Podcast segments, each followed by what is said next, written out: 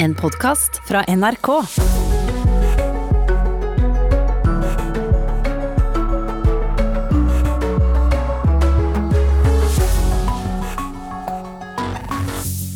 God tirsdag morgen. Nyhetsmorgen har eh, bl.a. dette på plakaten i dag. Hvis vi skal ha en reiselivsnæring på Vestlandet, er det avgjørende at turister fra Tyskland og Nederland får komme i sommer. Det mener næringen selv, og ber regjeringen komme med en avklaring. Selv om eh, politiet i flere år har vært pålagt å risikovurdere alle partnervoldssaker, så er det likevel store forskjeller på hvordan politidistriktene håndterer dem. Jeg følte at det var overhysterisk. At jeg ikke ble tatt alvorlig og trodd på hvor farlig denne mannen her var. Koronapandemien har påvirket samfunnet på mange måter. Blant annet er det hasjtørke. Det er vel bare bra, tenker du kanskje, men tollvesenet har mangedoblet beslag av cannabisfrø. Og politiet har avdekket flere cannabisplantasjer. De hadde mistanke. De hentet lukta godt på utsiden, til og med i bilen med gjenrullede vinduer. Og hva skjer i havet når det blir endringer i klimaet? Det skal vi også snakke om. Det som skjer, det er at bestandene kan komme til å flytte på seg, og det igjen kan skape konflikter om ressursene, sier en professor. Dette er Nyhetsmorgen med Thomas Alvarstein Ove og Silje Katrine Bjarkøy. Regjeringen må altså åpne for turistbesøk fra Tyskland og Nederland 20.07. Det mener reiselivsnæringen på Vestlandet. Turister fra disse landene utgjør nesten halvparten av alle overnattingsdøgnene på Vestlandet om sommeren, og nå mener næringen at det er avgjørende at de får komme. På denne tida her så skulle vi hatt ganske nærme fullt, og, og ville hatt det. Men det, det har dessverre bare blitt avbestilling, avbestilling, avbestilling. Det sier Magne Nilsen. Sammen med kona Mariann driver han Midvik feriesenter på Karmøy. Nå renner avbestillingene inn også etter 20. juli, som er den datoen regjeringen har sagt at det kan åpnes for turistbesøk fra nærliggende naboland. Vi har avbestillinger i august, for de må jo prøve å få til noe sjøl i sitt eget land eller, eller, eller i andre land. Så, men det nytter jo ikke noe. Vi har ikke noe å by dem, for vi får ikke noe beskjed. Og det sa Magne Nilsen fra Karmøy, reporter var Gisle Jørgensen. Og du får vite mer om akkurat dette etter klokka sju her i Nyhetsmorgen. Partnervold blir behandlet ulikt fra politidistrikt til politidistrikt. Selv om politiet i flere år har vært pålagt å vurdere risikoen i slike saker, er det flere distrikter som gjør dette i liten grad. I Øst politidistrikt er bare 27% av sakene blitt risikovurdert. Slik kan det ikke være, sier lederen i Stortingets justiskomité, Lene Vågslid fra Arbeiderpartiet. Det skal ikke være slik at du er mer utsatt en plass i landet enn en annen plass. Dette er jo et risikoverktøy som alle politidistrikter skal bruke. Så her har Monica Mæland en, en, stor jobb å gjøre med å sørge for at politiet blir satt i stand til å bruke dette veldig viktige risikoverktøyet. Hun etterlyser både øremerkede midler og bedre opplæring av politiet. Det vil ikke justisminister Monica Mæland love. Jeg tror ikke øremerking er svaret. Hvis svaret var så enkelt, så ville vi gjort det for lenge siden. Reportere her var Marit eh, Kolberg og Christian Elster. Poststemmer vil gjøre 2020 til det mest riggede valget i vår nasjons historie. Det skrev Donald Trump på Twitter.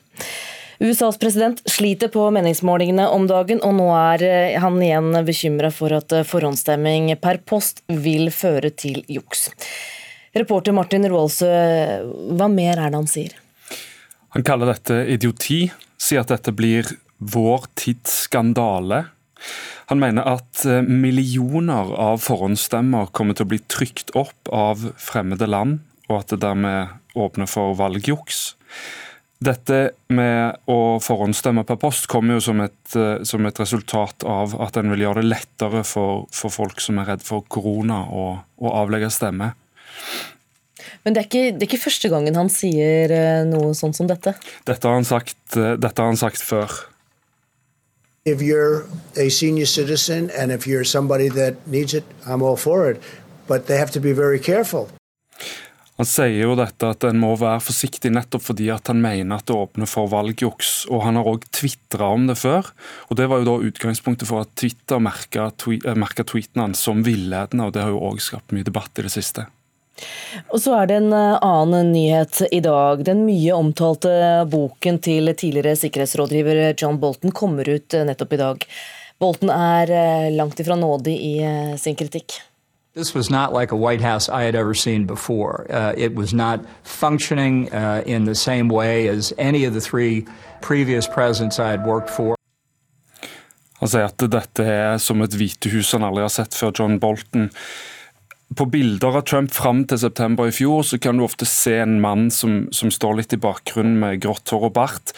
Han var en flue på veggen og har hviska presidenten i øret og stått bak han i 17 måneder. Boka hans og en hel haug med påstander om den sittende presidenten kom i dag. Blant annet skal Trump ha bedt presidenten om hjelp til å vinne valget. Han skal ha trua med å forlate Nato, han skal ha trodd Finland var en del av Russland. Disse lekkasjene har jo flomma over eh, de siste dagene, til tross for at presidenten har prøvd å stanse dem. Eh, og Trump har jo virkelig prøvd dette, uh, men dommeren uh, som tok avgjørelsen, mente at det fikk han ikke lov til. Eh, og Presidenten er jo heller ikke nådig i sin kritikk av Bolten. Han har kalt han en løgner og en syk hundevalp. Mens Bolten da kontrer med å si at han håper at, eh, at, Trump eh, huskes som en president som kun satt én periode, og ikke sendte landet ned i en irreversibel nedadgående spiral. How do you think history will remember Donald Trump? I hope uh, it will remember him as a one-term president who didn't plunge the country irretrievably into a downward spiral we can't recall from. Takk skal du ha, Martin Roaldsø.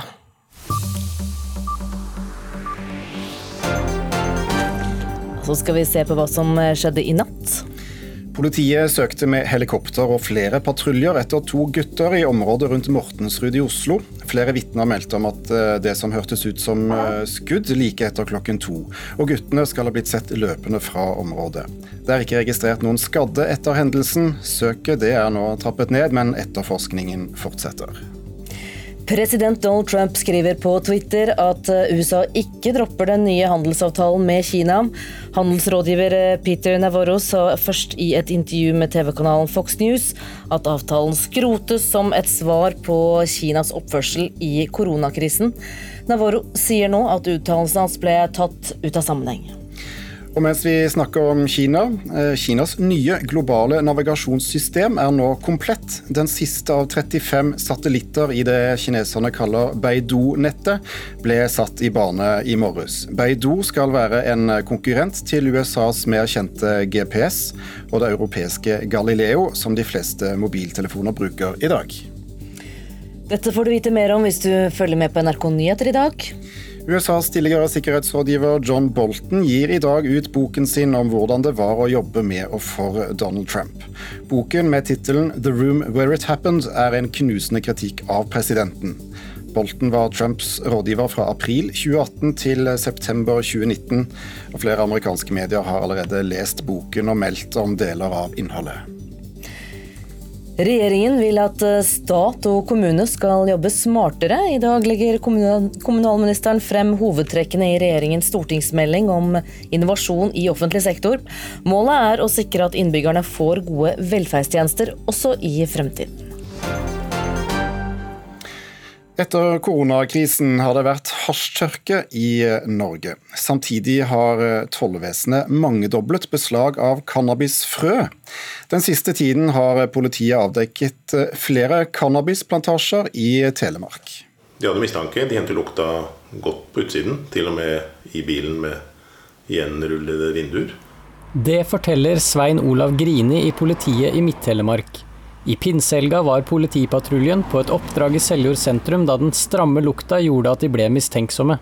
Når de kom inn, så ser de spor av produksjon, og finner da i underkant av 200 planter. Deler av boligen var rigget med kunstig lys, og på gulvet sto cannabisplantene tett i tett. Det var tydelig at de ble dyrket for videresalg. Og dette er ikke det eneste tilfellet politiet har oppdaget. De har sett en økning.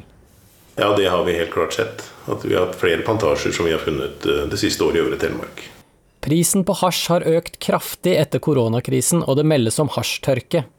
Tollvesenet har også beslaglagt mange flere cannabisfrø enn tidligere. Det er som forventet, mener rusmiddelforsker og professor i kriminologi Sveinung Sandberg ved Universitetet i Oslo. Jeg vil tro at det er naturlig at det er en økning. Det er naturlig at folk prøver selv når det er vanskelig å få tak i fra andre steder. Man regner med at kanskje en ganske stor del av den marihuanaen som røykes i Norge er hjemmedyrket. Så mellom 10 og 20 vil være naturlig å anta. I Telemark ber politiet folk om å skjerpe sansene. Det kan nok tyde på at uh, det som politiet kommer over, er toppen av isfjellet. Så vil vi oppfordre publikum til å melde fra om de reagerer på unormal atferd. Boliger som er til utleie, gjendekkede vinduer, bruk av kunstig lys osv. Ja, og reporter i innslaget her var Sindre Thoresen Lønnes. Vi hørte til slutt Svein Olav Grini i politiet i Midt-Telemark. Klimaendringene vil føre til mer konflikt om fiskeriressursene. Det sier professor Olav Skram Stokke ved Universitetet i Oslo. Varmere vann gjør at store fiskebestander flytter på seg, og dermed blir dagens fordeling av ressurser skjev. Skram Stokke er redd for at det kan bli konflikter og overfiske dersom man ikke endrer måten en fordeler kvotene på. En makrell ute på vandring, på vei inn til en kyst for å gyte eller beite. Kanskje til vårt havområde, der han gjør seg tilgjengelig for fiske. 90% av fisken vi høster, deler vi med andre land. Nå gjør klimaendringene og varmere hav professor Olav Skram Stokke uroa for hvordan vi skal fordele fiskeriressursene framover. Fiskeslagene er jo sånn som oss mennesker, de har en komfortsone når det gjelder temperatur. Når det blir varmere, så flytter denne bestanden seg nordover gjerne for å få litt kjøligere vann, dersom den finner mat. Det meste av fisken blir fiska i kvartland sine fiskerisoner. Problemet oppstår når bestandene flytter seg så mye at de bytter soner. Så blir det gjerne uenighet om kvoter. Og Grunnen til det, det er at sonetilhørighet, altså summen av fiskens overnattingsdøgn i hver av disse fiskesonene, det er et av de viktigste prinsippene for å fordele kvoter mellom land.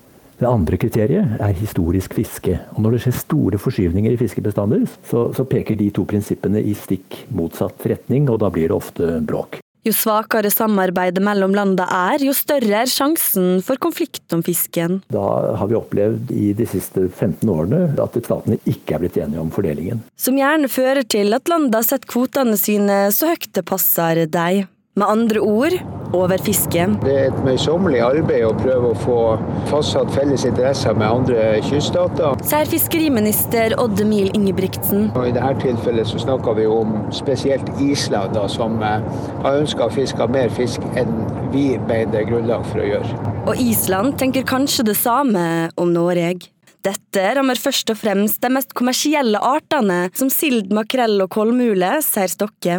De krysser flere grenselinjer eh, mellom fiskesoner, og det er dem man særlig har hatt internasjonale disputter om når det gjelder fordelingen av, av kvoter. Allerede i dag er de sårbare for overfiske. Ofte 30-40% høyere, noen ganger helt opp i 70 eh, mer enn det forskerne har, har sagt er bærekraftig. Disse bestandene har vært relativt robuste eh, i denne perioden. Det har nok lagt en viss demper på viljen som de ulike kyststatene har hatt til å strekke seg for å oppnå noe enighet. For det har skjedd før. Kyststater som ikke har blitt enige om hvordan en skal dele, og endt opp med å sette kvoten sin så høyt som mulig. På 60-tallet tømte norske fiskere havet for sild. I flere år har de fiska mer makrell enn det som har vært bærekraftig. For å unngå at dette skal skje igjen, mener Stokke at det haster med å få på plass langvarige og stabile avtaler, der vi er villige til å dele kvotene mellom oss. Dette er ikke lett, og det blir ikke lettere framover. Det er jo ikke noe nytt at fiskebestandene flytter på seg. Det er jo både næringa sjøl og også forvaltninga vant til å takle. For statsråden mener at avtalene en forhandler med Færøyene og EU fra år til år er gode nok, men utelukker likevel ikke flerårige, stabile avtaler som ruster oss for framtida. Så er det jo veldig vanskelig å spå, spesielt om fremtida, da. Men foreløpig foreløpig er det ikke noe grunnlag til å tro at Norge kommer til å bli en taper i så henseende. Reporter her var Vilde Gjerde Lid. Norske og internasjonale investorer ber brasilianske myndigheter stanse avskogingen. Flere norske selskaper har sammen med investorer fra flere land skrevet brev til brasilianske myndigheter. Der skriver de at de er usikre på om det vil være lønnsomt å investere i selskaper som er med på å brenne ned regnskog. Brennende regnskog i Brasil har skremt miljøvernere og forskere. Nå setter også private selskaper press på den brasilianske presidenten Jair Bolsonaro, som tidligere har sagt at han forventer at avskogingen vil fortsette. Konserndirektør for kapitalforvaltning i Storebrand, Jan Erik Saugestad, forteller at de har skrevet under på brevet til brasilianske myndigheter for å prøve å få en slutt på brenningen av regnskog. De tar jo dette initiativet fordi vi tror og håper det vil bidra til en endring, en kursendring. Seniorrådgiver i Regnskogfondet Vemund Olsen tror dette er gode nyheter. Det er første gang så vidt vi kjenner til, at finansbransjen ikke bare snakker med de selskapene de selv er investert i, men også kontakter myndigheter for å få dem til å uh, skape politikk som beskytter regnskog og urfolks menneskerettigheter. Han tror også at privat sektor kan påvirke politikerne i Brasil, som ikke lenger lytter til miljøorganisasjoner. Myndighetene i Brasil er avhengig av uh, et aktivt næringsliv for å få penger i statskassa. Og hvis du ser eh, økende kapitalflukt fra landet, sånn som man, eh, man ser nå, så vil det få store økonomiske konsekvenser for Brasil. Saugestad i Storebrand forteller at de er økonomisk avhengige av en bærekraftig utvikling. Han mener det ikke er mye penger å hente i land som ikke tar vare på jorda. Skal vi ha god langsiktig avkastning, så må vi også ha en god bærekraftig utvikling. Reporter her var eh, Carl Biel.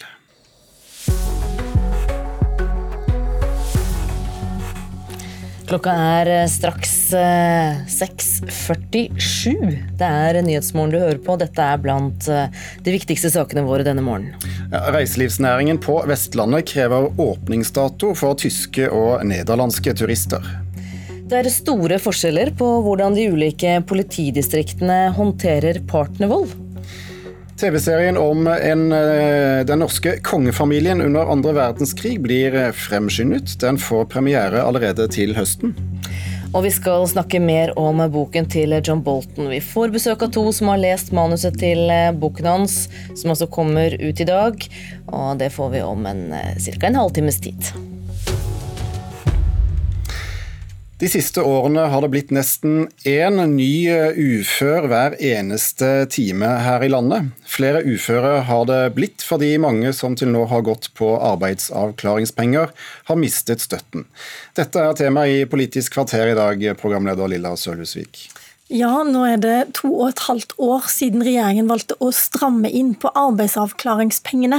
Det betyr eh, penger som du kan få hvis du blir langvarig syk, f.eks. med kreft, eller om du kommer ut for en alvorlig ulykke som gjør at du, at du går lenge uten å kunne jobbe. Eh, regjeringen kutta i denne ordningen for å unngå at folk skulle gå, bli gående i det uvisse i årevis uten å få en avklaring om de skulle bli uføre eller, eh, eller tilbake i jobb. Meningen var jo at de skulle få flere tilbake i jobb, men eh, nå foreligger den første evalueringen som viser at eh, flere er blitt uføre, flere har gått over på sosialtrygd. Men eh, det har ikke blitt flere i jobb, og aksjonsleder for AAP, Elisabeth Thoresen, mener at regjeringen har ført en slem politikk. Man blir ikke ferdig avklart. Og når da en pasient ikke blir ferdig utredet og behandlet i helsevesenet, så, så, skal du altså straffes ved å bli fratatt pengene dine før du er ferdig utrettet og behandlet. Det er den politikken som føres i dag. Og dette er en slem politikk. Den ødelegger mennesker, den bygger ikke mennesker opp. Og hva svarer regjeringen? Regjeringen skal komme og svare på disse påstandene. Det er Torbjørn Røe Isaksen, arbeidsministeren, som skal svare. Vi får høre hva han sier når han møter Audun Lysbakken i debatt. Politisk kvarter altså kvart på sju. Unnskyld, kvart på åtte, selvfølgelig. Nå om noe absolutt helt annet, fordi allerede til høsten kan du se storserien Atlantic Crossing, altså serien om den norske kongefamilien under andre verdenskrig. Serien skulle hatt premiere til våren, altså neste vår, men nå er den fremskyndet til denne høsten. I serien blir historien om eh, prinsesse Märthas rolle under krigen eh, et tema igjen. Serieskaperne mener at eh, det er noe alle kan være stolte av. What is it you want, Your Highness? I want my life back. Serien Atlantic Crossing om den norske kongefamilien under andre verdenskrig skulle egentlig nå TV-skjermene våren 2021. Bare vrøv, der står i avisene. Krig, bla, bla, bla, bla. Men den har fått ny premieredato allerede denne høsten. Jo, for første så var altså, serien er klar. Det sier dramasjef i NRK, Ivar Køhn. Og så er det jo litt sånn i forhold til koronatid og, og, som vi måtte kaste litt rundt på, på tankene våre. For da Norge stengte ned, gikk det utover flere produksjoner av både filmer og serier. Men storserien Atlantic Crossing spilte inn sin siste scene i Oslo i fjor sommer. Serieskaper og regissør Alexander Eik forteller at den nye premieredatoen kom overraskende på.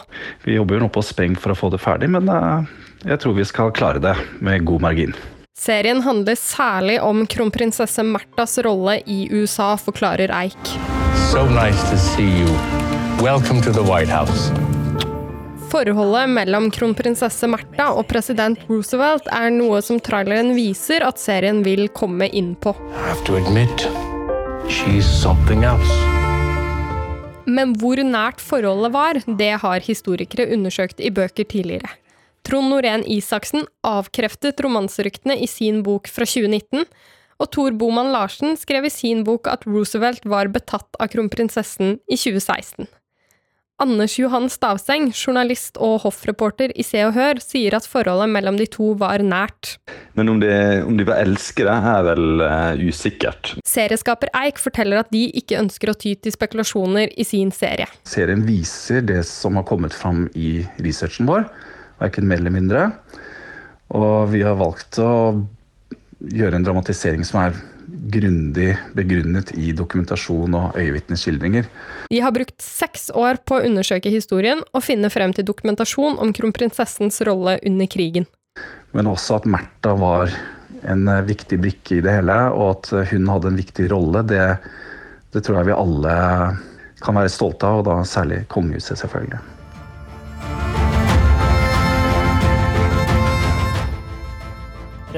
Reportere her, det var Maiken Svendsen og Petter Pettersen. Det er ikke bare TV 2 som kan melde om misnøye om dagen, da de forsøker å forhandle seg til en avtale med Telia og TV-leverandøren Get. Discovery, som bl.a. eier TV Norge, Eurosport Norge og strømmetjenesten Dplay, truer nå med å saksøke staten. Og Hvorfor gjør de det, kulturreporter Linda Marie Fedler? Da Stortinget 7. mai i år kom med en ny lov om kringkasting og audiovisuelle bestillingstjenester, så gikk ikke dette hjem hos Discovery-konsernet. Og Loven sier da at Medietilsynet kan pålegge TV-distributører å hindre eller gjøre det vanskelig for å markedsføre pengespill som strider mot pengespilloven og lotteriloven. Og Det vil si at Discovery så å si ikke kan vise spillreklame i sine kanaler. Og denne loven skal da gjelde fra 1.1.2021. Men Hvorfor er Discovery så uenig i denne loven?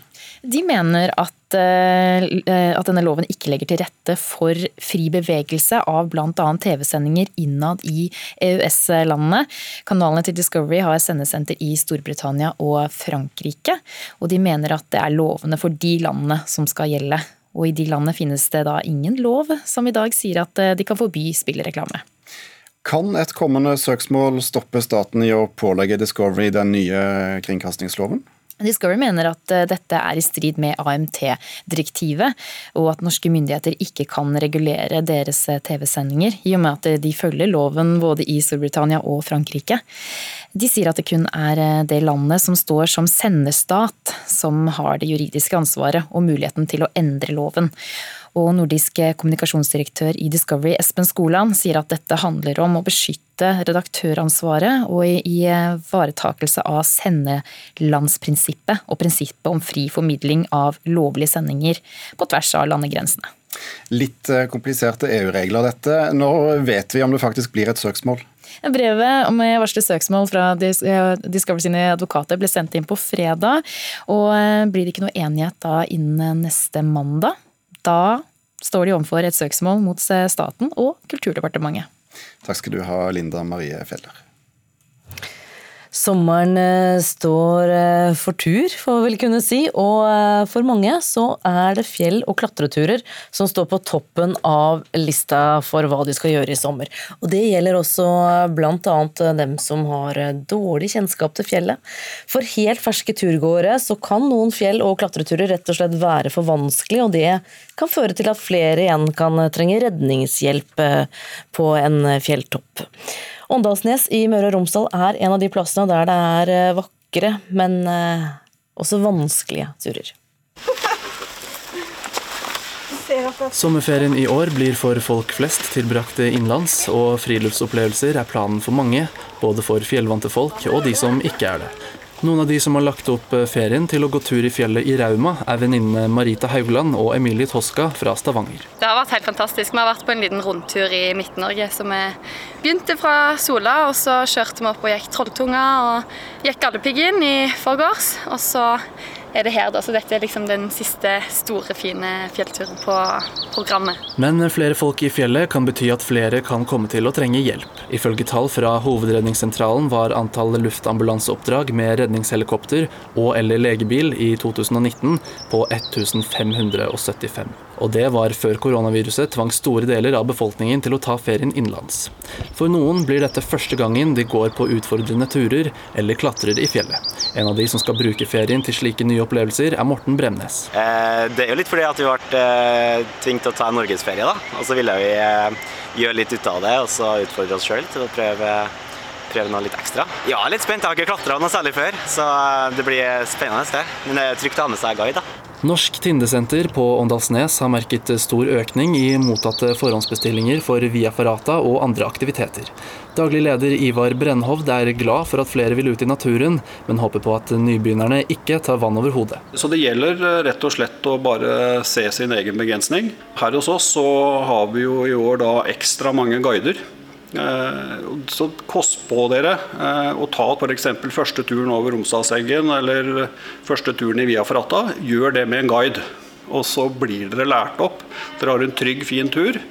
Eh, med noen som er lokalt kjent og kan fortelle dere eh, hvor dere kan være her resten av ferien. Vebjørn Bale ved Vestnes og Rauma lensmannskontor sier at folk bør komme seg ut i naturen, men at de også må vurdere egne evner. Han er forberedt på at det kan bli behov for flere redningsaksjoner i sommer. Altså, vi tar jo høyde for at det kan skje. Det er stor aktivitet her og veldig mye folk. og sånn Statistisk sett så vil han jo anta at det kan skje ting. Rådet er at de må vurdere sine egne forutsetninger lytt til råd. Tren på kanskje mindre utfordringer før dere begynner på vanskeligste ruta via Ferrataen. Og ikke minst eh, bruk guide eh, hvis det blir vurdert som nødvendig. Og ikke minst går det an, og hvis noe som går seg fast, eller noe sånt, så er det ofte vi må hjelpe folk bare på telefon og forklare hvordan de skal håndtere problemet. Det er jo ikke alle som, som er skada. Jeg tror, jeg har jo inntrykk av at det alltid er noen som dukker opp på sånne turer som dette med joggebukser og sneakers. Vi hadde jo eh, egentlig tenkt å gå på Glittertind, bl.a. Eh, men så fikk vi beskjed om at det ikke var helt eh, forsvarlig, eller de var ikke helt sikre på om de ville anbefale oss den turen. Så da tok vi Galdhøpiggen istedenfor, fordi det var tryggere da, etter forholdene. Så vi hører på anbefalingene, altså? Reporter her, det var uh, Tormod Brekke Øye. Ja, nordmenn på norgesferie er ikke nok for eh, Vestlandet. De trenger tyske og nederlandske turister også, men så langt så får ikke de komme inn i eh, landet. Det må det bli en avklaring på, sier eh, reiselivet. Ja, de vil gjerne få vite når de kan få besøk av turistene som til vanlig står for over halvparten av overnattingene om sommeren. 20. juli er vel datoen som det tidligst kan skje. Dette må vi få orden på, sier du. Det skal du få høre rett etter klokka sju. Det er straks Dagsnytt. Du skal også få møte to som har lest boken til USAs tidligere nasjonale sikkerhetsrådgiver John Bolton. De kommer til oss. Spørsmålet er om boken kan skade Trump, og om den er så kontroversiell som lekkasjene tyder på, og ikke minst hvor troverdig er bokskriveren.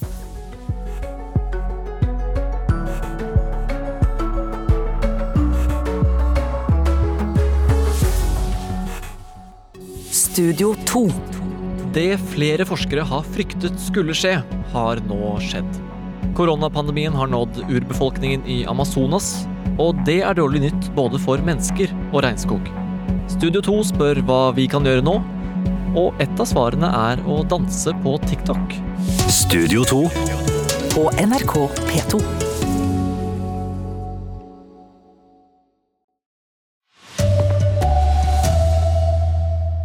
Er eh, NRK Dagsnytt, klokka er eh, sju. Reiselivsnæringa på Vestlandet mener det er avgjørende at regjeringen åpner for turistbesøk fra Tyskland og Nederland 20. juli. Turister fra disse landene utgjør nesten halvparten av alle overnattingsdøgn på Vestlandet om sommeren.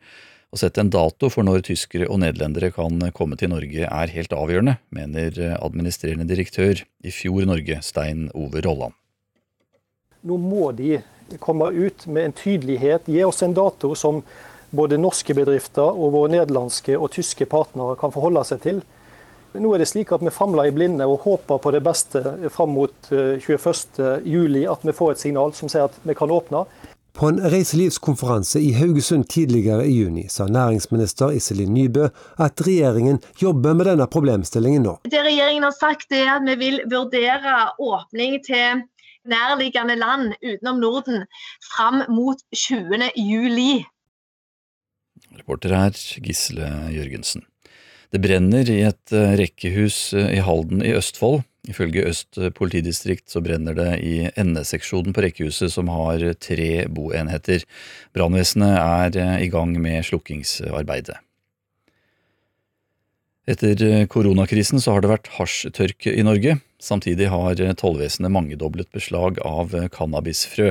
Den siste tida har politiet avdekket flere cannabisplantasjer, bl.a. i Telemark. Svein Olav Grine i politiet i Midt-Telemark ber folk være oppmerksomme. Det kan nok tyde på at det som politiet kommer over, er toppen av isfjellet. Så vi vil oppfordre publikum til å melde fra om de reagerer på unormal atferd. Boliger som er til utleie, gjendekkede vinduer, bruk av kunstig lys osv. Flere opplever å bli mobbet hjemme. Fra 2018 til 2019 så økte andelen som opplevde mobbing fra foreldre og søsken fra 4 til 12 ifølge årsrapporten til Blå Kors. Med hjemmeskole store deler av skoleåret 2020 frykter Blå Kors at enda flere blir mobbet hjemme. Det skriver avisa Fedrelandsvennen. Statens lånekasse har ikke kuttet renta etter at Norges Bank satte styringsrenta til 0% mens den beste boliglånsrenta nå i gjennomsnitt ligger på rundt 1,6% så er den flytende renta til Lånekassa fremdeles over 2,5% skriver E24. I utgangspunktet skal studielån være gunstigere enn boliglån, men rentekuttene til Statens lånekasse henger etter og trer først i kraft til høsten.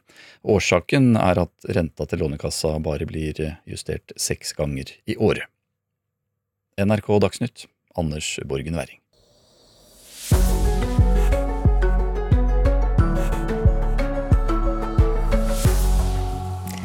Tre minutter over sju Nyhetsmorgen har dette å by på nå. Det er avgjørende for reiselivsnæringen på Vestlandet at regjeringen setter en dato for tyske og nederlandske turister som kan komme til landet. Det er store forskjeller i hvordan politiet vurderer partnervoldssaker. Opposisjonen på Stortinget vil gi skatteletter til vannkraftprodusenter, slik at de skal kunne produsere mer strøm allerede fra neste år.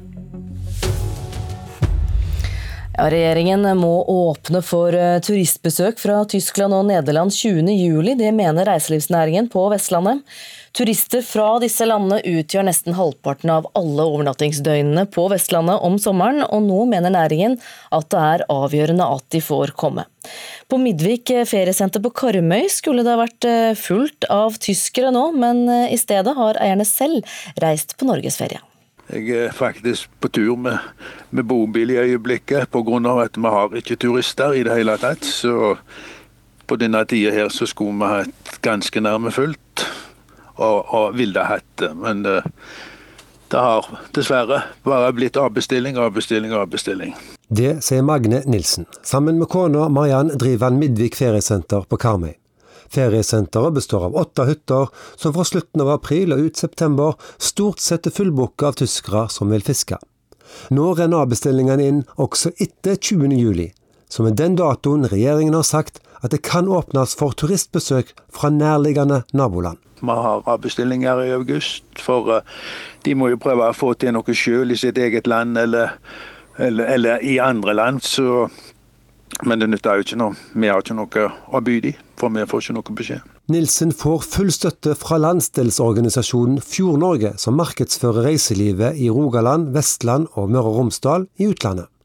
Turister fra Tyskland og Nederland står for nesten 40% av alle overnattingsdøgn på Vestlandet i sommermånedene mens f.eks. Danmark bare utgjør 4 Å sette en dato for når tyskere og nederlendere kan komme til Norge, er helt avgjørende for reiselivet, mener administrerende direktør Stein Ove Rolland. Nå må de komme ut med en tydelighet, gi oss en dato som både norske bedrifter og våre nederlandske og tyske partnere kan forholde seg til. Nå er det slik at vi famler i blinde og håper på det beste fram mot 21.07, eh, at vi får et signal som sier at vi kan åpne. Men det er kjempeseint. Mye av sesongen er gått. Hvor kritisk er det for eh, reiselivet at, eh, at dette her faktisk da skjer? Ja, Det er kjempekritisk for Vestlandet. fordi at vi er en eksportmotor for norsk turisme. Eh, så når, når vi mister nesten 60 av, av markedet vårt om sommeren, som er utlendinger, når den delen er vekke, så får vi ikke kompensert det med, med flere nordmenn. På en reiselivskonferanse i Haugesund tidligere i juni sa næringsminister Iselin Nybø at regjeringen jobber med denne problemstillingen nå. Det regjeringen har sagt er at vi vil vurdere åpning til nærliggende land utenom Norden fram mot 20. juli. Så det er liksom, eh, En beslutning vil jo eventuelt komme før det, da, men det er liksom 20. juli som er den eventuelle datoen. Og jeg forstår kjempegodt at uh, dere vil for det første ha beskjed så fort som mulig, men òg at det er mulig å åpne opp, nettopp fordi det er en så viktig del av markedet. Men altså 20. juli er sånn sett det tidligste vi kan få til, men det er de beslutningene vi jobber med og mot uh, nå i disse dager. Men så lenge en dato for Tyskland ikke blir satt, vil det komme flere avbestillinger for familien Nilsen på Karmøy. Hvis vi ikke får noe eh, mer konkret fra myndigheter og stat eller regjeringer, så vil de nok eh, booke avbestille bookinger, de som kommer i sen sommer, høst. Og vi har jo stadig telefoner med fra kunder og vil spørre oss, men vi har ikke noe mer informasjon å gi dem, eller eller, eller det de vet sjøl. Så, så, så en kunne håpe på at de kom med en, en tidligere dato, og så fikk eh, beskjed om det ble eller ikke ble. Både for oss og for kundene, som vi skal svare. Ja, Det sa Magne Nilsen fra Karmøy. Reportere var Gisle Jørgensen. Hvordan partnervold blir behandlet, det varierer mye mellom politidistriktene. Selv om politiet i flere år har vært pålagt å vurdere risikoen i slike saker, så er det flere distrikter som gjør dette i liten grad. I Øst politidistrikt er bare 27% av sakene blitt risikovurdert. Jeg følte at det var overhysterisk. At jeg ikke ble tatt alvorlig og trodd på hvor farlig denne mannen her var. NRK har tidligere fortalt om en kvinne vi har kalt Anne. Hun levde med trusler og trakasseringer fra ekspartneren sin. Da han en kveld kom for å drepe henne, endte det med at han skjøt og drepte kjæresten til datteren hennes. Bergenspolitiet har sagt at de i ettertid ser at de burde ha grepet inn tidligere, men at slike vurderinger må gjøres fra sak til sak. Da dette skjedde, i 2010, var ikke politiet pålagt å risikovurdere partnervoldssaker. Det pålegget kom i 2013. Her var det. Dette er da det som kalles uh, SARA, som da er en sjekkliste for bedømming av risiko for uh, fremtidig partnervold. Hans Christian Dragvold, som jobber med forebygging i Øst politidistrikt, tar fram et skjema. Dette er politiet nå pålagt å bruke. Det inneholder spørsmål om risikofaktorer. Når en som er utsatt for vold kommer til politiet, skal betjenten ta fram dette skjemaet. Som hjelper deg til å vurdere eh, hvor høy risikoen er for eh, ny vold, og hvor eventuelt alvorlig den volden kan bli. Skjemaet blir kalt SARA, Sposal Assault Risk Assessment Guide, eller Guide for risikovurdering av partnervold. Tall NRK har hentet inn viser store variasjoner mellom politidistriktene i om de faktisk følger dette pålegget og bruker SARA-skjemaet. Sør-Vest politidistrikt gjennomførte i fjor en risikovurdering i 99,5% av alle sakene, mens de siste tallene fra Øst politidistrikt viser en andel ned i 27% Sånn kan vi ikke ha det, sier Lene Vågslid, som er leder i justiskomiteen på Stortinget. Det skal ikke være slik at du er mer utsatt en plass i landet enn en annen plass. Dette er jo et risikoverktøy som alle politidistrikter skal bruke. Så her har Monica Mæland en, en, stor jobb å gjøre med å sørge for at politiet blir satt i stand til å bruke dette veldig viktige risikoverktøyet. Hun etterlyser både øremerkede midler og bedre opplæring av politiet. Det vil ikke justisminister Monica Mæland love. Jeg tror ikke øremerking er svaret. Hvis svaret var så enkelt, så ville vi gjort det for lenge siden. Reportere her det var Marit Kolberg og Christian Elster. Opposisjonen på Stortinget vil gi skatteletter til vannkraftprodusenter, slik at de skal kunne produsere mer strøm allerede fra neste år. Men det kan også bety flere inngrep i naturen. Jeg syns nesten det ville være eh, moralsk problematisk om vi skulle drive ut og bygge ut alt mulig annet uten at vi høstet den lavthengende frukten som dette tross alt eh, er. Espen Barth Eide og Arbeiderpartiet krever nå, i likhet med Senterpartiet og Sigbjørn Gjelsvik, mindre skatt på vannkraft, for å få mer vannkraft. Og her kan vi altså utløse prosjekt som både vil gi mer miljøvennlig kraft, og som òg kan gi store inntekter til fellesskapet over tid. Og forrige uke fremmet Fremskrittspartiet og Terje Halleland forslag i Stortinget om at ekstraskatten på 37% vannkraftselskapene betaler fordi de tjener ekstra godt på norsk natur, bare skal gjelde på den delen av overskuddet som er over et normalt overskudd, ikke på omtrent hele overskuddet som i dag. Dermed er det flertall for skattekutt. Så vet vi at vi er i en periode der vi trenger økt aktivitet. Så dette blir jo da en vinn-vinn-situasjon, med at vi får rask oppstart på en del av, av de prosjektene, som òg er med å sysselsette og øke verdiskapningen eh, rundt omkring i Distrikts-Norge. Det er to måter å se dette på. Olje- og energiminister Tina Bru tror ikke at skattekuttene nødvendigvis vil gi så stor effekt. I hvert fall ikke uten å sette spor. Det ene er opprustningsprosjekt, og det andre er utvidelse. Det er på utvidelse man har størst potensial til å hente mer kraft. Men det betyr også ganske betydelig naturinngrep i mange tilfeller. Jeg er ikke imot å bygge vannkraft, vi må gjerne gjøre det. Men dette skal inngå i en helhet hvor du faktisk skal ta vare på natur og miljø også. Så mitt poeng er bare å si at det er ikke løsningen i seg selv. Men du må se alle tingene i en helhet og prøve å finne balansen mellom å ta vare på natur, men også eh, bygge kraft. Dette må jo være en skjønnsmessig vurdering i hvert enkelt tilfelle, og hva et sånt naturinngrep er. Sier Espen Barth Eide, som er åpen for i hvert fall mindre naturinngrep og en vannkraftsatsing han mener vil gi fem til seks terawatt-timer i året mer vannkraft. Altså like mye som all norsk vindkraftproduksjon i fjor. Så Det er litt vanskelig på forhånd å si verken helt ja eller helt nei til det. Men det som er viktig, er at vi har altså bygd ut mye av landet allerede med vannkraft. Vi har i, i 100 år eh, bygget mye av vår eh, industri og vår allmenne velstand på vannkraften. Og nå gjelder det at vi sørger for at vi får mest ut av den, uten at det blir store nye utbygginger, som jeg tror de færreste egentlig ønsker seg. Om det kan bety noen mindre justeringer, så får man se på det i det enkelte tilfellet. Og Fremskrittspartiet, Senterpartiet og Arbeiderpartiet sier nå de er åpne for å overkjøre regjeringen hvis de ikke kommer med forslag til skattekutt for vannkraft mot neste budsjett. Men hvem tjener mest på mindre skatt til vannkraften. Rike kraftkommuner blir enda rikere med disse endringene. Er det fornuftig? Vannkraftkommunene bidrar jo med kraft til eh, fellesskapet. Det er, eh, det er, både snakk om naturinngrep og det er snakk om å ha en rettmessig andel av verdiskapinga fra vannkraft. Sånn at det at de sitter igjen med mer inntekter, det er fornuftig, ja. Slutten.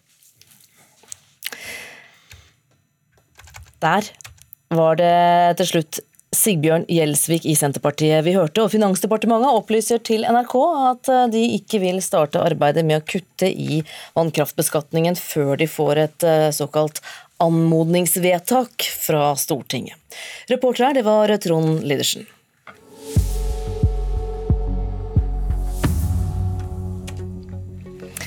Klokka er eh, straks kvart over sju. Det er Nyhetsmorgen du hører på, og blant de viktigste sakene våre i dag så er At eh, turister fra Tyskland og Nederland eh, står for omtrent halvparten av overnattingene på Vestlandet om somrene. Nå krever reiselivet at regjeringen kommer med en eh, åpningsdato for når disse kan komme tilbake til landet vårt. Det er store forskjeller i hvordan politidistriktene vurderer partnervold. Og du skal få høre en historie om håp. I dag kommer altså eh, Donald Trumps tidligere sikkerhetsrådgiver eh, John Bolton med sin mye omtalte bok. Bolton er ikke nådig i sin beskrivelse av eh, Trump.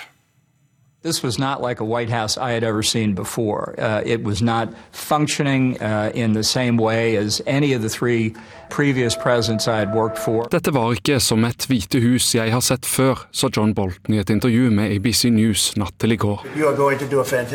På bilder av Trump frem til september i fjor kunne du gjerne skimte en gråhåret mann med bart i bakgrunnen.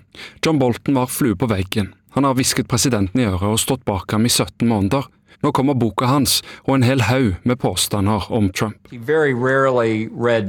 Trump skal ha bedt Kinas president om hjelp til å vinne valget. Han skal ha truet med å forlate Nato.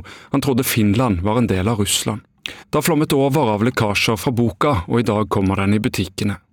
Tross Trumps forsøk på å stanse den. Presidenten er ikke nådig i sin Twitter-kritikk av Bolten. Han har kalt ham en løgner og en syk hundevalp.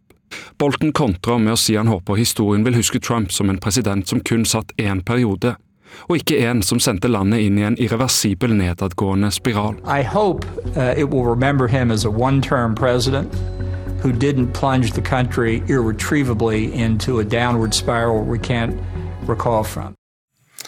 Ja, der hørte vi eh, John Bolton, reporter Martin Roaldsø. The Room Where It Happened, altså boken til USAs tidligere nasjonale sikkerhetsrådgiver. Utenrikskommentator i Aftenposten Kristina Pletten og rådgiver i Civita Eirik Løkke, velkommen. Takk skal du ha. Dere har begge lest manuset til, eh, til denne boken. Kristina Pletten, eh, hva tenker du om innholdet? Jeg synes Det er veldig interessant. Det er jo spesielt interessant for alle oss som har fulgt eh, dette her på nært hold i mange år, og nå får jeg en enda en beskrivelse av alle disse prosessene som vi kjenner godt fra før nå etter hvert, disse historiene. Eh, det mest interessante for meg var kanskje kapittelet om Nato. Blant Bl.a. den inngående beskrivelsen av hva Jens Stoltenberg har måttet gå gjennom av, av utskjelling bl.a. fra Donald Trump. Det er også overraskende hvor nære det virker som Trump var og ville melde USA ut av Nato. Bolten skriver at um, han ikke er sikker på om Trump egentlig forsto hva dette 2 %-målet eh, gikk ut på. Altså at eh, han ikke visste om Trump eh, trodde at landene i Europa rett og slett betalte inn penger til USA, da, eller om det var som det jo er deres egne forsvarsbudsjetter. Eh, og så skriver han at eh, de klarte rett og slett å få Trump til å bli værende i Nato ved å avlede han med å snakke om høyesterettsdommer Brett Kavanaugh, som da var i ferd med å bli eh, konfirmert i Senatet, eller skulle til å bli konfirmert i Senatet. Sånn at man brukte rett og slett dette her til å, til å avlede oppmerksomheten fra Trump, slik at han ikke trakk USA ut av Nato. Så det var oppsiktsvekkende kapitler. Er eh, boken så kontroversiell som, eh, som varsla? Ja, på mange måter. Den er fryktelig detaljert, og det er vanskelig å eh, skille skitt og kanel når du, når du leser det. Så Jeg har lest det relativt raskt, da, men, men, den er kontroversiell. Men samtidig så bekrefter den jo mye av det som vi har kjent fra før. eller fått fortalt fra før om beslutningsprosessene rundt Trump og alt kaoset rundt han, hvordan han regjerer mer på instinkt enn kanskje på kunnskap. og, og ja, Så, så det, det, er absolutt kontroversielt, men om det, veldig, om det er så veldig overraskende, det vet jeg ikke. Det overrasker ikke meg. Eirik Løkke Civita, jeg er veldig enig. Altså, denne boken, eh, selv om altså, må, altså, Noe av det med Trump, altså normaliseringen av oppførselen til Trump, det, det, det, er jo rett og slett bare blitt normalt. Altså, hadde dette vært en hvilken som helst annen president, og dette hadde kommet ut, så hadde det jo vært et, et, eh, et, et så utrolig overraskende. Men vi har hørt det så lenge. Eh, for det, det, Bolten forteller, har vi jo hørt fra Kelly og Mattis. Så det er ingen sammenheng i politikken til Trump. Han er en narsissist, det er kaos. og det dette beskriver jo egentlig Bolten helt eh, fra begynnelsen av. Eh, så jeg er heller ikke spesielt eh, overraska. Jeg hadde heller vært veldig overraska hvis han ikke hadde bekrefta mye av det som stort sett alle andre medarbeidere til Trump har sagt. Bolten sier det samme. Men er det noe i boken som ikke er kjent fra før? Ja, det, det, er det jo. Altså, Kristina nevnte jo litt av, av, eh, spillet i galleriet rundt Nato.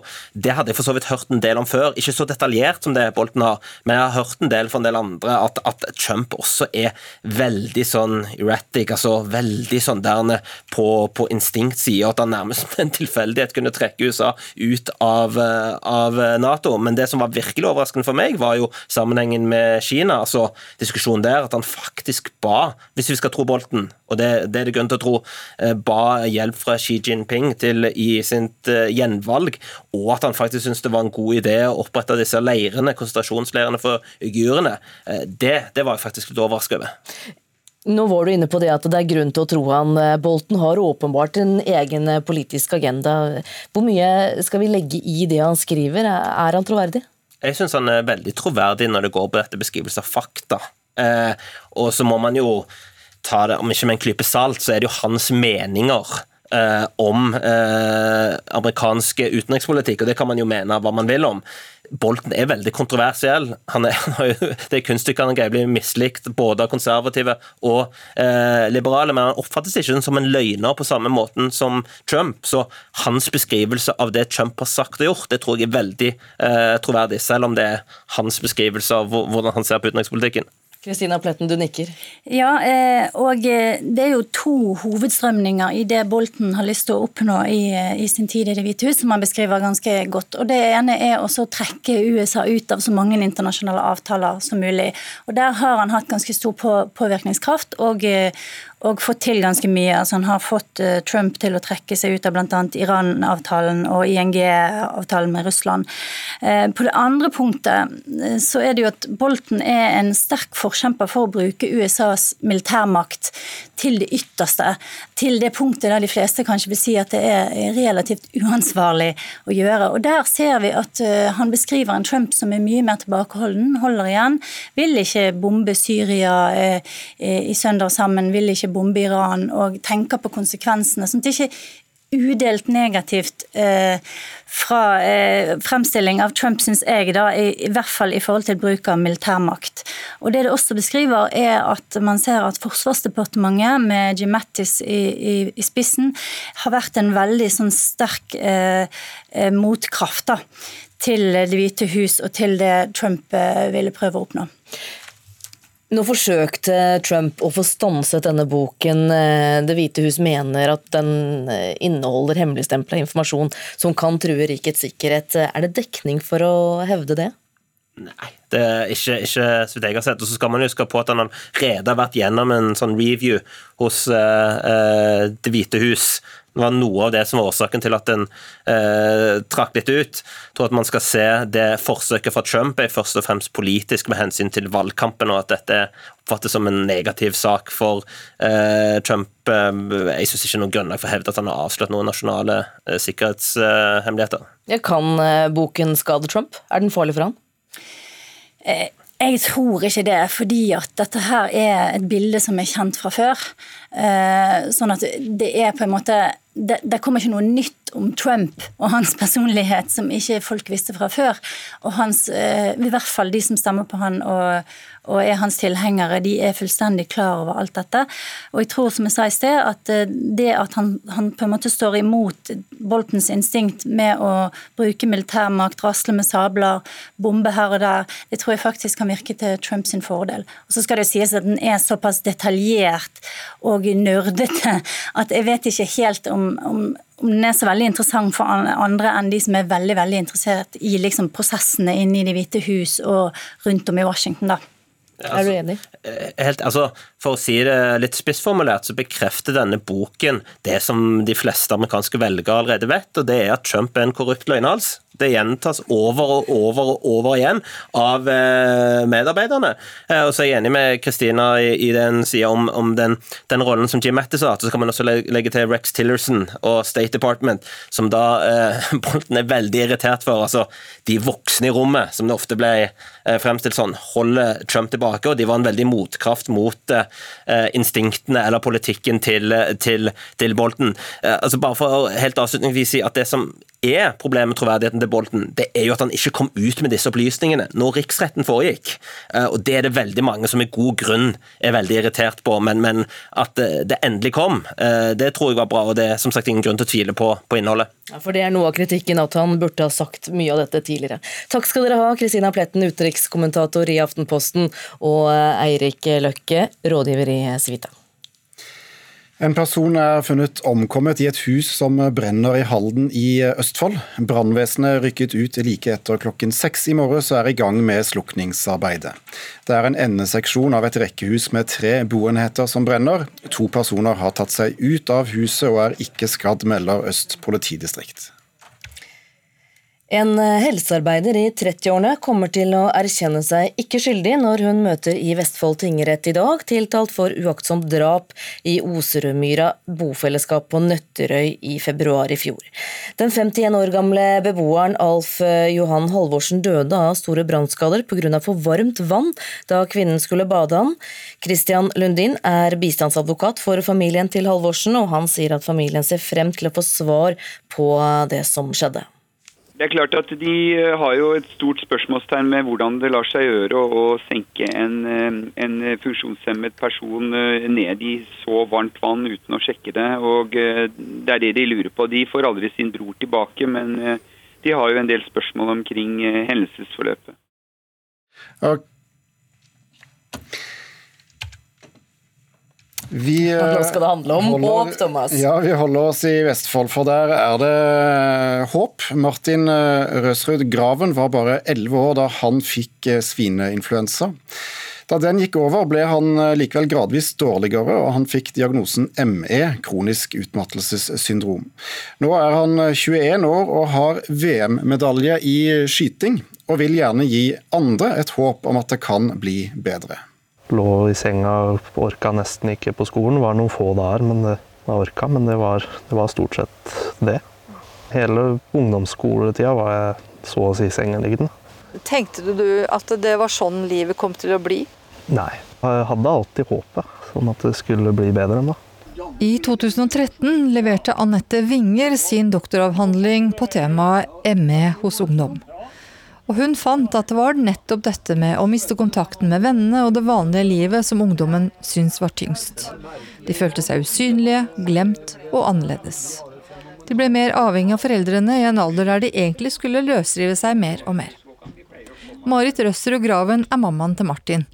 Også for foreldrene er det vanskelig å se at barnet blir ensomt.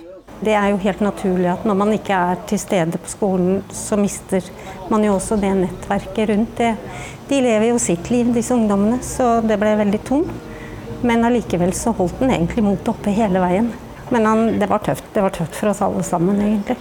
Mamma har alltid vært der. Alltid pusha meg lite grann, men ikke aldri mye.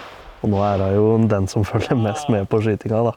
Etter sju år så begynte Martin å føle at det ble flere av de gode dagene. Da ble han med pappa på skytebanen til Brunlandets jeger- og fiskeforening. Og det er der vi møter ham. Lærduene flyr høyt og lavt, og latteren runger. Når han først begynte å kjenne at eh, nå, nå, hadde jeg mer krefter, så brukte jeg jo egentlig bare mer og mer tid på skytebanen. Og skole, selvfølgelig. Jeg tror det har hjulpet meg med å finne ut av det. Jeg har alltid hatt ville bli bli god i noe. Og jeg merka det når jeg skøyt litt her, at det, det, er noe jeg kanskje kunne, kunne blitt god i. Da. Så da prøvde jeg jo så godt jeg kunne å bli så god jeg kan. Her på Dolvenbanen har det etter hvert blitt mange gode skyttere å konkurrere med. Martin har raskt kommet opp på et nivå der han kan reise på større mesterskap. Han har en lagbronse fra VM for junior, og aller stoltest er han av gullet i skandinavisk mesterskap. Er det bare gode dager nå? Nei, det er ikke bare gode dager. Jeg har noen, noen dårlige dager òg, men det er ja, mest gode dager. Men Tenker du at nå er du frisk? Jeg håper det. Jeg vet jo ikke. Foreløpig så er jeg så å si frisk. Hvis du ser bakover i tid nå, da, til da du lå der. Hadde du trodd at du var på det nivået som du nå er den gangen? Nei, ikke i det hele tatt. Så hvem vet hva som kanskje er i fremtida? Reporter her, det var Mette Stensholt Skau. Det er eh, Nyhetsmorgen du hører på. Straks får du eh, Dagsnytt her.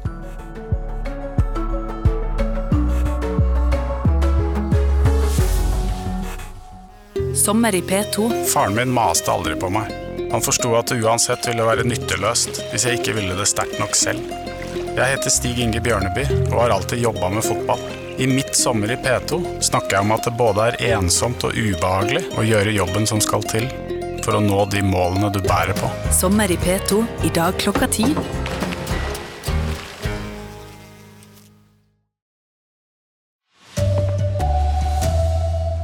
Reiselivsnæringa på Vestlandet krever åpningsdato for tyske og nederlandske turister. Store forskjeller på hvordan de ulike politidistriktene håndterer partnervold. Boka til Trumps tidligere sikkerhetsrådgiver er ikke nådig i beskrivelsen av den amerikanske presidenten. Her er NRK Dagsnytt, klokka er 7.30. Reiselivsnæringa på Vestlandet mener det er avgjørende at regjeringen åpner for turistbesøk fra Tyskland og Nederland 20.07. Turister fra disse landene utgjør nesten halvparten av alle overnattingsdøgn på Vestlandet om sommeren. På Midvik feriesenter på Karmøy skulle det ha vært fullt av tyskere nå. I stedet har eierne reist på norgesferie. Jeg er faktisk på tur med, med bobil i øyeblikket pga. at vi har ikke turister i det hele tatt. Så det har dessverre bare blitt avbestilling, avbestilling, avbestilling. Det sier Magne Nilsen. Sammen med kona Mariann driver han Midvik feriesenter på Karmøy. Feriesenteret består av åtte hytter, som fra slutten av april og ut september stort sett er fullbooka av tyskere som vil fiske. Nå renner avbestillingene inn også etter 20. juli. Vi har avbestillinger i august. Nilsen får full støtte fra landsdelsorganisasjonen Fjord-Norge, Å sette en dato for når tyskere og nederlendere kan komme til Norge, er helt avgjørende for reiselivet, mener administrerende direktør Stein Ove Rolland. Nå må de komme ut med en tydelighet, gi oss en dato som både norske bedrifter og våre nederlandske og tyske partnere kan forholde seg til. Nå er det slik at vi famler i blinde og håper på det beste fram mot 21.07, at vi får et signal som sier at vi kan åpne. På en reiselivskonferanse i Haugesund tidligere i juni sa næringsminister Iselin Nybø at regjeringen jobber med denne problemstillingen nå. Det regjeringen har sagt er at vi vil vurdere åpning til nærliggende land utenom Norden fram mot 20. juli. Men så lenge en dato for Tyskland ikke blir satt, vil det komme flere avbestillinger for familien Nilsen på Karmøy. Hvis vi ikke får noe eh, mer konkret fra myndigheter og stat her, eller regjeringa, så vil de nok eh, avbestille bookinger.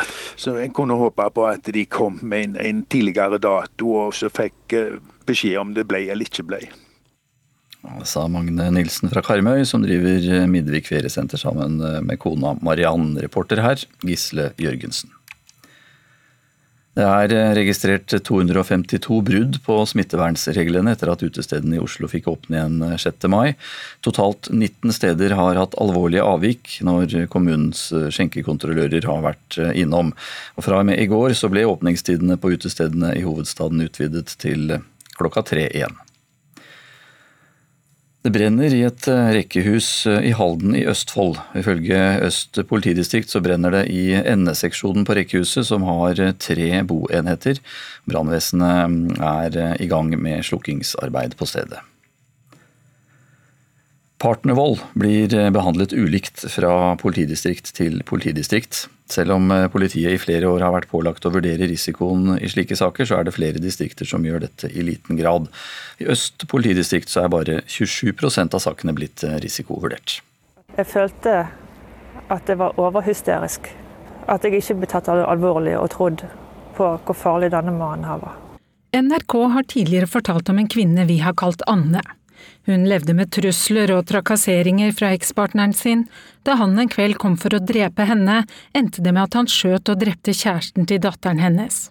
Da dette skjedde, i 2010, var ikke politiet pålagt å risikovurdere partnervoldssaker. Det pålegget kom i 2013. Tall NRK har hentet inn viser store variasjoner mellom politidistriktene i om de faktisk følger dette pålegget. Sør-Vest politidistrikt gjennomførte i fjor en risikovurdering i 99,5% av alle sakene, mens de siste tallene fra Øst politidistrikt viser en andel ned i 27% Sånn kan vi ikke ha det, sier Lene Vågslid, som er leder i justiskomiteen på Stortinget. Det skal ikke være slik at du er mer utsatt en plass i landet enn en annen plass.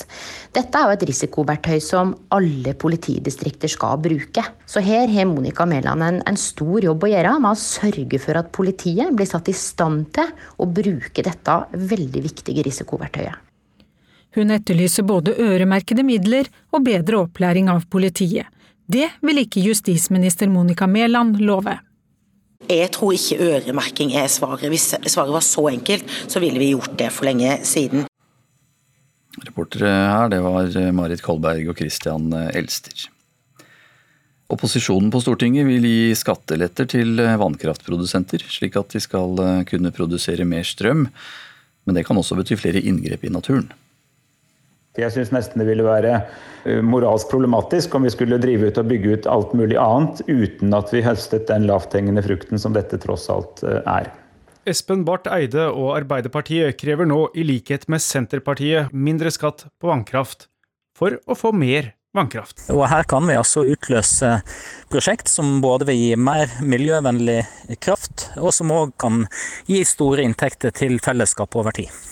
Dermed er det flertall for skattekutt, som Statkraftsjef Christian Rynning Tønnesen sier vil gi mer strøm. Hadde det vært en normal skatt på normal inntekt, så ville vi ha designet vannkraftanleggene litt annerledes og investert noe mer og fått både litt mer effektstyrke i verkene og litt mer energiproduksjon enn det som er tilfellet i dag. Olje- og energiminister Tina Bru tror ikke at skattekutt nødvendigvis vil gi så stor effekt. I hvert fall ikke uten å sette spor. Det ene er opprustningsprosjekt, og det andre er utvidelse. Det er på utvidelse man har størst potensial til å hente mer kraft. Men det betyr også ganske betydelig naturinngrep i mange tilfeller. Jeg er ikke imot å bygge vannkraft, vi må gjerne gjøre det. Men dette skal inngå i en helhet hvor du faktisk skal ta vare på natur og miljø også. Så mitt poeng er bare å si at det er ikke løsningen i seg selv. Finansdepartementet opplyser til NRK at de ikke vil starte arbeidet med å kutte i vannkraftbeskatningen før de får et eh, anmodningsvedtak fra Stortinget, og det har de altså ikke fått. Reporter her, Trond Lydersen. I dag så kommer den mye omtalte boka til eh, Trumps tidligere sikkerhetsrådgiver ut. John Bolton er ikke nådig i sin beskrivelse av den amerikanske presidenten. Utenrikskommentator i Aftenposten Christina Pletten synes eh, kapitlet om Nato var spesielt interessant. Bl.a. den inngående beskrivelsen av hva Jens Stoltenberg har måttet gå gjennom eh, av, eh, av utskjelling bl.a. fra Donald Trump. Eh, det er også overraskende hvor nære det virker som Trump var å ville melde USA ut av Nato. Bolten skriver at eh, de klarte rett og slett å få Trump til å bli værende i Nato ved å avlede han med å snakke om høyesterettsdommer Brett Kavanaugh, som da skulle til å bli konfirmert i Senatet. Sånn at man brukte rett og slett dette her eh, til å, til å avlede oppmerksomheten fra Trump, slik at han ikke trakk USA ut av Nato. Så det var oppsiktsvekkende kapitler. Sa utenrikskommentator eh, i Aftenposten Kristina Pletten.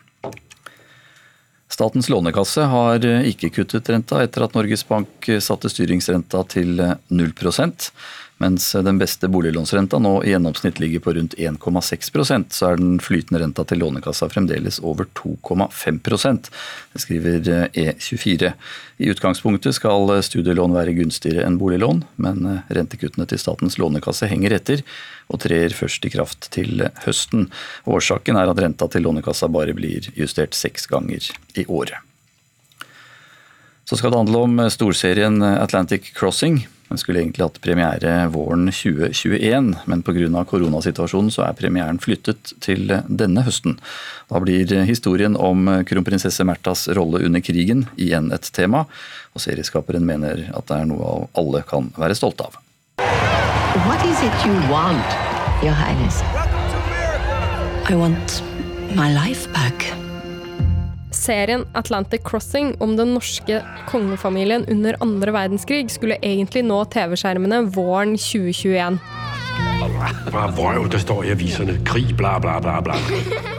Men den har fått ny premieredato allerede denne høsten? Jo, for første så var altså, serien er klar. Det sier dramasjef i NRK, Ivar Køhn. Og så er det jo litt sånn i forhold til koronatid og, og, som vi måtte kaste litt rundt på, på tankene våre. For da Norge stengte ned, gikk det utover flere produksjoner av både filmer og serier. Men storserien Atlantic Crossing spilte inn sin siste scene i Oslo i fjor sommer.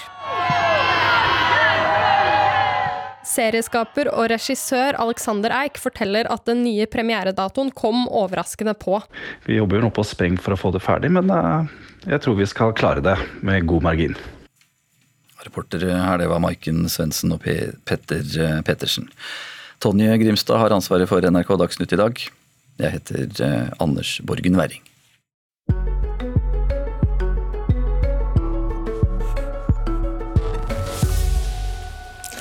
De neste minuttene skal det handle om at eh, forskere har funnet en metode for å trekke ut antioksidanter fra potetskrell. Målet er at det skal erstatte kunstige stoffer som eh, bedrer holdbarheten på matvarer.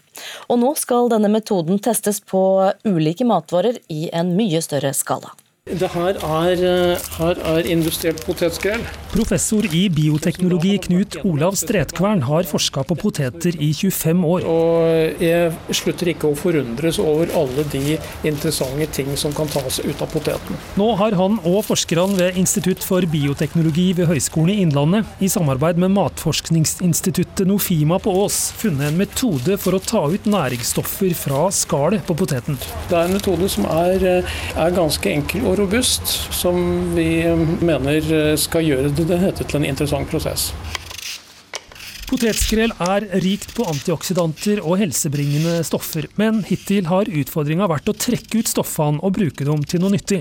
Absolutt store verdier å hente ut. Derfor har potetskallet blitt kasta eller brukt som dyrefôr. Her på Innlandet så får du generert sånn rundt 3000 tonn med potetskrell. I matvareindustrien brukes ofte kjemisk framstilte antioksidanter for at fettrike matvarer ikke skal harskne og bli uspiselige. F.eks. tørrmatvarer slik som potetmos, kjeks, inn i bearbeidede kjøttprodukter. I det hele tatt med flere typer matvarer der fett er en viktig komponent. Der er det viktig å beskytte matvaren imot det vi kaller harskning. For jeg, jeg, tror de fleste som har smakt et harskt matprodukt, husker hvordan det er. Nå mener forskere ved Institutt for bioteknologi å ha funnet en metode for å trekke ut antioksidanter fra potetskallet og at det kan brukes i matvarer i stedet for de kunstige tilsettingsstoffene. Og da får vi ut et ekstrakt, et preparat fra potetskrellet, som har eh, slike positive effekter som, som å være antioksidant. Eh, særlig dette med antioksidanter har hatt et litt uh, problematisk rykte. Mange av disse er syntetiske. Kanskje ikke de er de aller beste for helsa vår. Prosjektet Bioconserve ledes av Høgskolen i Innlandet og Klosser Innovasjon i samarbeid med Nofima Aas og et britisk laboratorium ved universitetet i York i Storbritannia. Prosjektleder i bioteknologi Nis Valentin Nilsen i Klosser Innovasjon tror potetskrell vil erstatte kunstig tilsetting i matvarer. Ja, jeg, jeg ser potensialet i det her. Det er veldig inne i tiden å se på, på restråstoff og få mest mulig verdi ut av alle dine øh, produkter, både hovedstrømmen og sidestrømmen. Så å, å kunne ta en veldig verdifull ting ut av en, en reststrøm som har en veldig lav verdi i utgangspunktet, det er veldig viktig. Så, så vi, vi, har troen på det, og derfor uh, har vi også engasjert oss uh, såpass mye i prosjektet og kontaktet uh, bedrifter i, innenfor det her og fått dem, fått dem til å se på det også. Etter snart fem års forskning viser laboratorietester med vegetabilske oljer å ha svært god beskyttende effekt, sier professor Stretkvern. Vi har jo prøvd ut dette her i matolje. Og sett at, at antioksidanten har en veldig god beskyttende effekt. Dersom potetprosjektet blir vellykka, kan metoden også brukes på andre grønnsaker, sier potetprofessoren. Prosjektet kan få vist om denne teknologien kan også brukes på andre, andre avfallsstrømmer vi ser fra, fra næringsmiddelindustri og fra landbruket. For det er eh, faktisk store mengder med la oss si, grønn biomasse som eh, i dag har veldig lav utnyttelse. Og hvis vi kan komme opp med en enkel, robust teknologi der vi kan ta ut verdier, så har vi på en måte kommet godt på vei til en litt større bruk av de bioressursene vi har. Reportere, det var Stein S. Eide.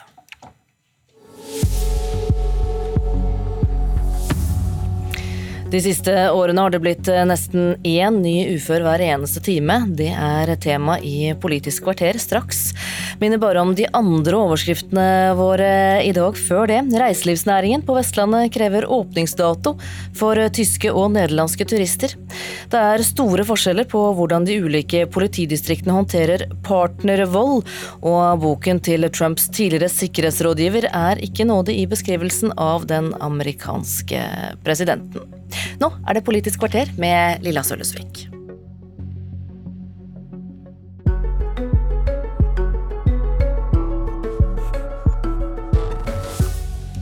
Regjeringen ville ha flere i jobb, men å kutte i arbeidsavklaringspenger har så langt bare ført til flere uføre og flere på sosialhjelp. Slem politikk, mener de som har mista støtten. En skandale, mener SV. For eh, to og et halvt år siden kutta regjeringen i ordningen med arbeidsavklaringspenger, og det ble mye bråk da det skjedde. Poenget var at folk som hadde kreft eller hadde blitt skada etter en ulykke eller var blitt langvarig syke av andre grunner, ikke skulle gå i årevis på en midlertidig stønad, mens de venta på en avklaring av eh, hva de få, skulle få av en støtteordning fra Nav. Målet var også å få flere i jobb. Men nå har det kommet en første større evaluering fra Nav, og de finner ingenting som tyder på at flere kommer i jobb, selv om de har mindre å leve for. Flere blir uføre, flere må få hjelp på sosialkontoret. Og hva gjør regjeringen da, arbeidsminister Torbjørn Røe Isaksen? For det, for det, første så er det, ikke, er det en litt upresis framstilling. For dette er en eh, evaluering av en liten del av disse endringene. Nemlig de som nå går ut sin maksimale fireårsperiode. Og det var heller ikke noen overraskelser i denne evalueringen. Men regjeringa kommer til å være fortsatt opptatt av at vi må skape mer, få flere folk inn i jobb og inkludere flere. Det det står der, det er at innstrammingen i unntaksregelverket har medført en betydelig økning i andelen sosialhjelpsmottakere. Og det betyr ja, vel, det, uansett hvordan man leser det, at flere er, har fått det verre? Eh, nei, det betyr ikke automatisk det. Eh, det betyr at, eh, at det har, vært flere som når de ikke kan gå på en midlertidig ytelse i år etter år etter år, så er det noen flere som søker om sosialhjelp. Det var også forventet. Det ble til og med gitt ekstra penger til kommunene, sånn at de skulle kunne betale ut det. Men det betyr at vi, vi er nødt til å se hvordan dette virker i sum, og få evaluert alt før vi trekker bastante konklusjoner. Men det å ha en midlertidig ytelse som folk blir gående på år etter år etter år, nærmest som et slags venterom uh, uten utgang, eh, det er dårlig sosialpolitikk. Og det er dårlig politikk både for å skape mer og for å få flere tilbake i jobb, inkludere flere. Men en del av de som gikk på, eller som har gått og fortsatt går på denne midlertidige ordningen, de vil nå heller det i hvert fall, enn å få enda mindre penger ved å motta sosialhjelp. En av de det er Elisabeth Thoresen, som nå leder aksjonen, altså AAP-aksjonen. Og Hun eh, har lest denne rapporten og sier at eh, den første evalueringen er omtrent akkurat som forventa. Vi skal høre her, jeg snakka med henne i går. Det vi ser, det er mange flere som går over på uføretrygd. Og, og det er i og for seg egentlig helt greit, fordi det er helt riktig at mange har mottatt arbeidsavklaringspenger altfor lenge uten å bli ferdig avklart. Ehm, vi ser også at det er færre som går over i arbeid. Det kommer heller ikke som noe overraskelse. Det som er aller verst, det er at folk blir henvist til økonomisk sosialhjelp eller privat forsørging. Og det at voksne mennesker som har stått i et arbeidsliv i alt fra 10 til over 40 år, blir syke, mister hele sin inntektssikring, blir henvist til økonomisk eh, sosialhjelp eller privat forsørging, er bare feil. Den karenstiden som kom med lovverket i 2018, kan umulig være lovlig. Altså du, du, får ikke lov til å motta en ny statlig ytelse etter folketrygden før det er gått ett år. Men du kan vel få sosialhjelp? Hvis du fyller vilkårene for det, men da må du først ha brukt opp alle andre muligheter. Som f.eks. at sitter du på en bolig, så må den selges. Eier du en bil, så må den selges. Og så må du leve av disse pengene som du får inn ved å selge eiendelene dine. Og er du gift, så trer ekteskapsloven inn. Og det betyr at det er din ektefelle som må forsørge deg. Hva er den vanligste tilbakemeldingen dere får fra folk eh, som har opplevd dette nå? Altså, vi hadde en stor undersøkelse i fjor våres. Og det den undersøkelsen viste, det var at uh, de aller fleste som ble tatt av denne karenstiden, ble sykere. Det er så mange fortvilede nødrop som kommer inn. Jeg har uh, folk som forteller at de må gi fra seg barna sine. Eh, fordi de ikke er i stand til å klare å ta vare på dem. Både pga. økonomien og også det at eh, de blir så sjuke at de ikke lenger har omsorgsevne. Men, men likevel, eh, arbeidsavklaringspenger, det ligger jo i ordet at det skal være en midlertidig ordning. Tror du ikke at noen av disse triste historiene ville ha skjedd uansett? Ikke på denne måten som det i dag skjer. Altså Hvis du tenker tre år, det høres veldig lenge ut. Og det høres lenge ut for dere som er friske. Men for en som er syk, og som venter på utredning, venter på behandling og venter på avklaring i Nav-systemet, så er tre år veldig knapp tid. Og det som er skummelt i dag, det er jo det at man blir ikke ferdig avklart. Og når da en pasient ikke blir ferdig utredet og behandlet i helsevesenet, så, så, skal du altså straffes ved å bli fratatt pengene dine før du er ferdig utrettet og behandlet. Det er den politikken som føres i dag. Og dette er en slem politikk. Folk, jeg har kontakt med mennesker jeg, du, som har vært 19 år i Nav-systemet. Og de er fortsatt ikke ferdig avklart, sier Nav. 19 år! Ja, Det sa Elisabeth Thoresen, som er leder for AAP-aksjonen. Hva tenker du, eller hva, hva eh, syns du om å høre at regjeringen føler fører en slem politikk, eh, Røe Isaksen? Nei, jeg, jeg, vet at det er en del som mener det. Eh, men samtidig, hvis vi, hvis vi ser på utfordringa vår, så er det sånn at vi har en sterk økning av antall uføre. Særlig sterk økning blant unge. Og Da er det egentlig sånn fire ting som regjeringa er opptatt av. Det ene er jo flere som fullfører videregående skole, jo bedre er det. Eh, vi må ha tettere oppfølging i Nav. Det har vi brukt mye penger og ressurser på. Og så må vi ha et næringsliv som kan gi folk jobb. Og så må vi ha også eh, et system som får folk tilbake i jobb.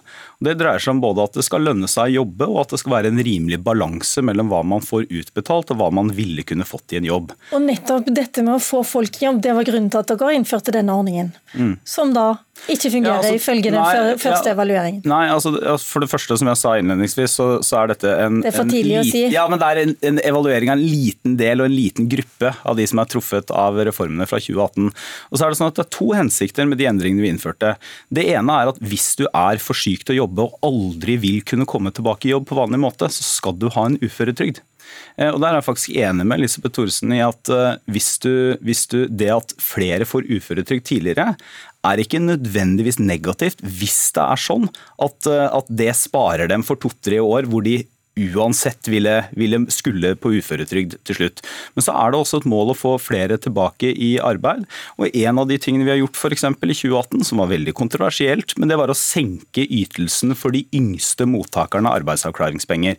Hvorfor det? Jo, sånn at ikke den utbetalingen skulle være høyere enn andre tilsvarende utbetalinger som man får f.eks. på introduksjonsordningen. Ok, Jeg må gi ordet til deg, Audun Lysbakken. Du er SV-leder. Du har kalt eh, denne evalueringen og denne innstrammingen regjeringen for en skandale.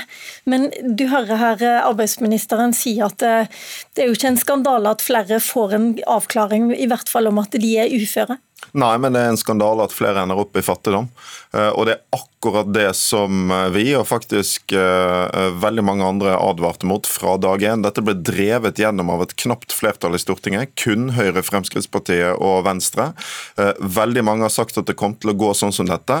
Og selv om statsråden nå gjør alt han kan for å bagatellisere denne evalueringen, så er altså konklusjonen knusende. Regjeringen har kun lykkes med én ting, og det er mer fattigdom, større forskjeller. Og det er ikke spor av at endringene fører til at flere får jobb. Dette Men han altså... sier her det er bare en første evaluering.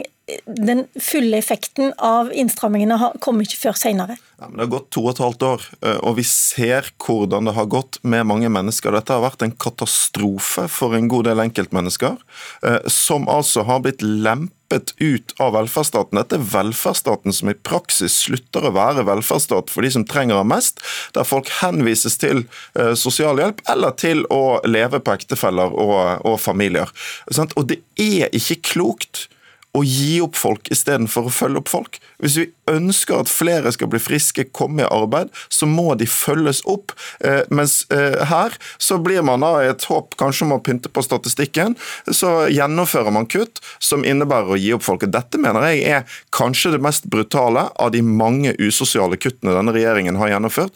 Og ren høyreideologi, der man istedenfor å se på hva kan vi gjøre for å endre arbeidslivet, hva kan vi gjøre for å få til bedre oppfølging, så er det alltid denne ideen om at fattige mennesker har for mye å leve av, og at det er problemet og grunnen til at ikke flere kommer i jobb. Og Denne evalueringen viser altså at det er feil. Okay. Men, uh, for, for, uh, for, altså, vi gjør flere ting samtidig. Det er vi nødt til å gjøre. Samtidig som vi uh, reduserte ytelsen til de unge, så brukte vi da det året krone for krone alt på å følge opp folk tettere fra Nav sin side, for det er vi nødt til å gjøre. Vi har samtidig satt i gang en stor eh, inkluderingsdugnad sammen med privat næringsliv, eh, fordi at vi er helt avhengig av at noen gir folk sjansen til å få en jobb rusmisbrukeren som har vært utenfor i lang tid, eller personen som bare trenger tilretteleggingsbehov, men som kan bli en super arbeidstaker.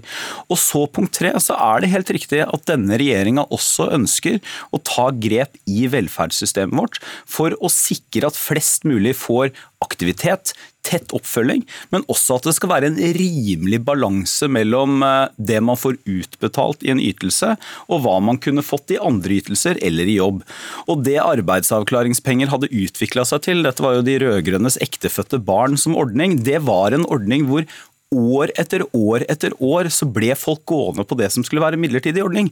Ikke ble de som var for syke avklart til uføretrygd, og ikke ble de andre da avklart og fulgt videre til arbeid. Men Røe Isaksen, jeg syns ikke jeg fikk et svar på hva tilsier at flere skal komme i jobb når bare denne ordningen virker litt mer? Nå når altså, vi vet at i, i, første omgang så har den ikke fungert på den nei, måten. Altså, siden, siden, du spør om det, jeg prøvde å ikke gå inn på detaljene. altså Det som er evaluert i denne rapporten, det er de som er ferdig med sin fireårsperiode nå. Dvs. Si folk som har vært på ordningen i fire år, mye lenger enn i 2018 der og da, eh, da, da endringene kom. Eh, så Det er derfor jeg sier at det er en liten del av flere endringer som nå blir vurdert. Og når jeg også sier at eh, Det blir det ikke, annerledes det ikke, når de som går inn i ordningen vet at de har strammere regler å forholde seg til? Når du, vurderer, når du, vurderer, alle effektene, så kan det se annerledes ut. Men vi også må jo, grunnen til at vi er opptatt av å evaluere og forske på det vi gjør. For vi ønsker å ha både gode politiske, men også solide faglige vurderinger eh, for dette. Og Audun Lysbakken, hva får deg til å tro da, eller slå fast at alle disse tiltakene tiltakene som Røe Isaksen har vært inne på her, til sammen ikke skal fungere framover? Altså, for det første så sier denne rapporten mye om ordningen. To og et halvt år er lenge, og vi ser hva som skjer når folk eh, ikke får muligheten til en forlengelse som gjør at de kan utredes skikkelig og få en mulighet til å komme enten over i jobb eller i uføretrygd. Da ender de opp på sosialen og i fattigdom. Eh, og Det har vi fått veldig godt eh, illustrert her. Og så er Det det forunderlige er eh, jo at en her, sant? Høyre snakker alltid om rimelighet. Det gjelder ikke i andre enden av samfunnet. Det er ingen rimelighetsvurderinger knyttet til skattelettene for de rike, f.eks. Det er så underlig at rike mennesker alltid skal motiveres av å få mer, mens fattige mennesker skal motiveres av å få mindre. Sånn fattigdom bryter folk ned. Det er ingen som blir frisk eller kommer i jobb av å bli fattige. og Det er den, det grunnleggende problemet med hele tenkningen her. To, to, to kutte. For det første, det er, det, er, det er, ingen, det er selvfølgelig ingen som, uh, som, blir uh, motivert av, eller som i seg selv blir friske av å få mindre. Men det er altså en viktig del av velferdssamfunnet vårt som SV alltid har vært mot. Eh, det vi kaller arbeidslinja. Og arbeidslinja innebærer, innebærer, at også hvis du ikke kan jobbe, så skal du ikke få en ytelse som er for nær, eller i verste fall høyere enn det du kunne fått i jobb. For det andre så er det også en rimelighetsbetraktning når vi vurderer skattespørsmål, og det er at hvis vi skal ha norske eiere av norske private selskaper, så er det urimelig og dumt å skattlegge dem høyere enn hedgefond fra Men da, London som eier siden bedrifter i Norge. arbeidslinja kom inn her, så må jeg bare spørre, i hvor stor grad klarer man å gjennomføre en arbeidslinje med en inkluderingsdugnad nå når arbeidsledigheten har skutt i været etter korona? det er et ekstremt viktig spørsmål. eh, Og det er det vi nå kommer til å bruke, både bruker tid på nå og høsten på. For det er ikke noe tvil om at en økonomisk krise rammer de som står eh, enten utenfor eller akkurat da innafor i arbeidsmarkedet hardest. Du kan jo ikke sitte her og snakke om arbeidslinje når du akkurat har fått en rapport som viser at deres politiske endringer ikke fører til mer arbeid, men fører folk ut i fattigdom. Det er en fattigdomslinje dere står for, der løsningen på problemene for folk som sliter i vårt samfunn, er å lempe de ut av velferdsordningene istedenfor å følge de bedre opp. Det vi trenger, er å eh, snu i denne saken, gjeninnføre arbeidsavklaringspengene sånn som de var, og så styrke oppfølgingen i Nav betydelig. Og Der er det jo verdt å minne om at denne regjeringen har kuttet en halv milliard kroner i Nav siden 2013, så de gjør jo oppfølgingen verre, og så gir de opp istedenfor. Jeg kan bare love at vi skal følge opp videre evalueringer. Jeg må si takk nå til eh, Torbjørn Røe Isaksen, arbeidsminister, og SV-leder Audun Lysbakken. Mitt navn er Lilla Sølhusvik. Følg Nyhetsmorgen videre. Du har hørt en podkast fra NRK. Hør flere podkaster og din NRK-kanal i appen NRK Radio.